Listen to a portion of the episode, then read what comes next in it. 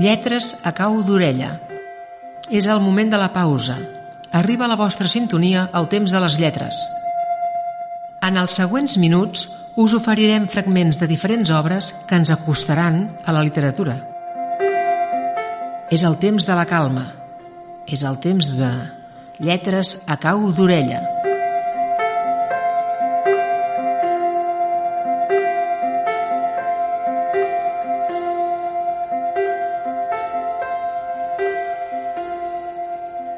Benvinguts a aquest programa en el que us anirem presentant diversos autors i en el que també llegirem fragments d'algunes de les seves obres. Comencem.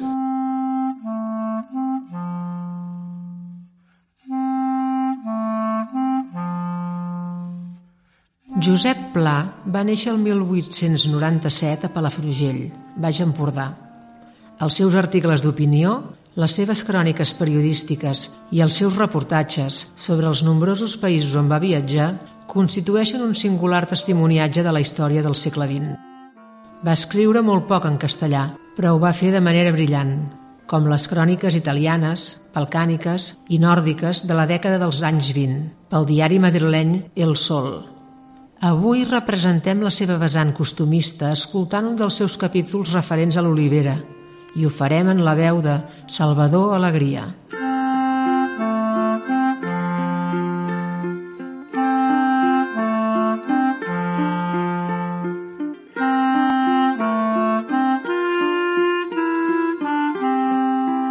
Ara, en aquests temps, les olives entren en el seu punt, agafen el característic color morat de la maduresa i a l'aire dels olivars flota una resplendor episcopal.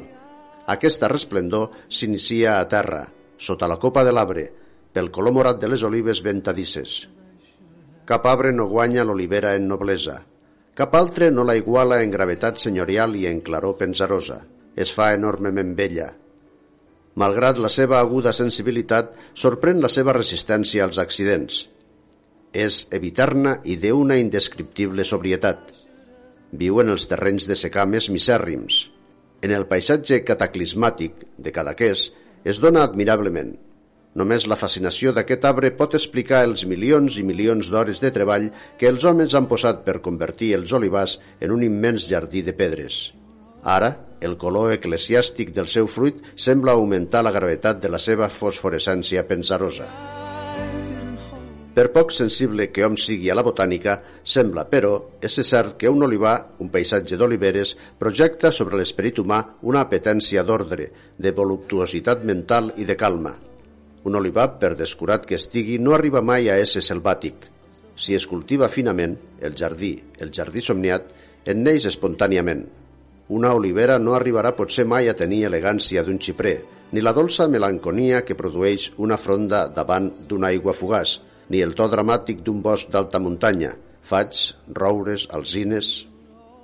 Arbre de fulla perenne, l'olivera és clara. L'aire i la llum viuen entre la cal·ligrafia precisa de les branques. Sota la seva fronda ingràvida i lleugera, la llum s'hi atura amb una lenta i suau morbidesa. A l'estiu era una llum daurada, pel setembre d'un blau netíssim. Ara, amb l'aire fresc, el blau es dilueix en un verd prim, que és com un blau tocat de fatiga amb una i altra llum, penso sovint, passejant pels olivars, en la bellesa que tindria veure a cent passes, entre els arbres, una bona estàtua de marbre blanc. L'aparició seria tan lluminosa i elegant que la pau i la quietud dels olivars seria una pura delícia. Si els olivars semblen recollir la llum i aturar-la en el seu aire, sempre em sembla també fascinadora la capacitat que tenen per atreure el silenci i fondre's en la seva música vaga. Es produeix en ells un ambient de secret inviolat i, de tots els boscos que jo conec, l'olivera produeix el bosc més enigmàtic, callat i recollit. Sembla que tanta claror hauria de ser inconciliable amb tant de silenci. En la realitat, però, la fusió és completa. Només ara es romp la misteriosa calma. Colles de gent envaeixen el terme per collir les olives. Sota els arbres, homes i dones formant rodona arrupits a terra n'omplen cabassos i cistells. Encara és possible de veure el bàrbar costum de fuetejar amb llargues vares el brancatge perquè caigui el fruit. Si en aquestes latituds hi haguéssim tingut un teniers, tindríem l'escena pintada. Les criatures verguejant els arbres entre la gent bocabadada i feliç, i els gossos saltant i lladrant per donar moviment a la facècia. L'olivera és l'arbre d'aquest país d'un cultiu racional i acurat més recent. Durant segles visqué com un arbust salvatge, ple de paràsits i de malalties. Ara sembla que ha augmentat l'interès. Els olivars s'emplenen, doncs, ara, de fressa, de paraules, tanades i vingudes de gent, de lladrucs de gossos i de vegades encara puja del seu aire estàtic un crit llunyà. De totes les feines agrícoles, però, el collir olives és potser la més modesta i callada. Quan l'home entra en possessió dels fruits que la terra li dona, sol fer una mica de soroll.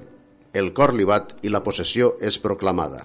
El collir les olives, però, no té pas la joia exaltada de les veremes, ni la marxa radiant del segar, ni la lluminositat de picarols del batre. Som a la tardor, que és el temps de la declinació de l'any. L'aire és ja sovint brúfol i comença de ser agradable de recollir-se sota teulada. De tota manera, sospito que si l'oliva es collís en èpoques més propícies al xivarri, en moments de clima més sorollós, res no pertorbaria la calma d'ara.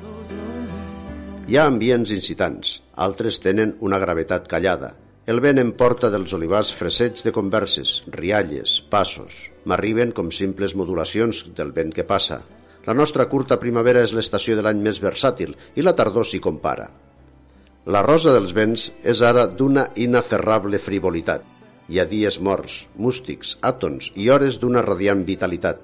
Hi ha matins en què el mar, letàrgic, sembla somniar sota un pes de plom i de grisó, i tardes de meravella en les quals, volcat sobre l'aigua, irradia un enlluernament lúcid, exultant. Hi ha cels tancats i cels amb els braços oberts de bat a bat. Els olivars reflecteixen aquests canvis. El seu punt de bellesa màxima es dona potser els dies de sol fort, cels clars i nets, i tramuntana seca, tònica, tensada, la força del vent girant la fulla i posant de boca en l'aire la seva part platejada, crea un espectacle de fascinadora màgia.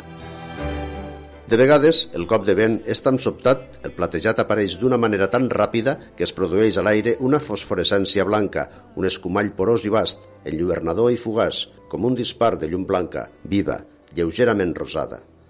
Collir les olives en dies així, amb els sentits plens d'aquesta transfiguració prodigiosa, no pot passar-se un treball.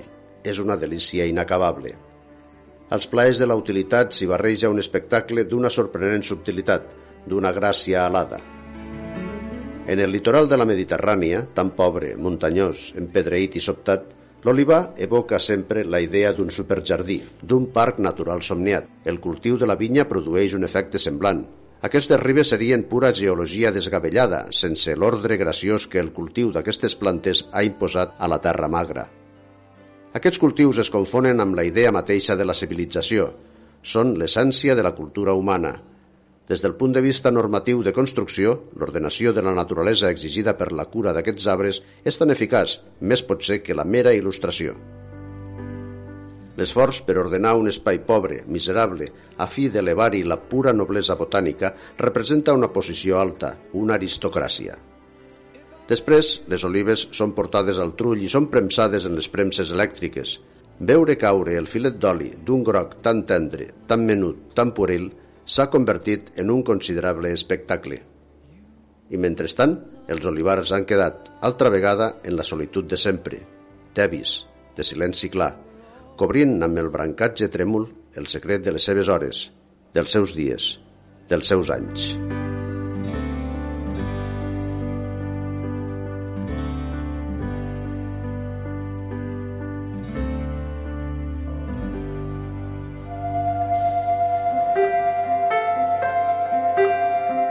Fins aquí el nostre temps de... Lletres a cau d'orella. Ens retrobarem ben aviat. A Lletres a cau d'orella.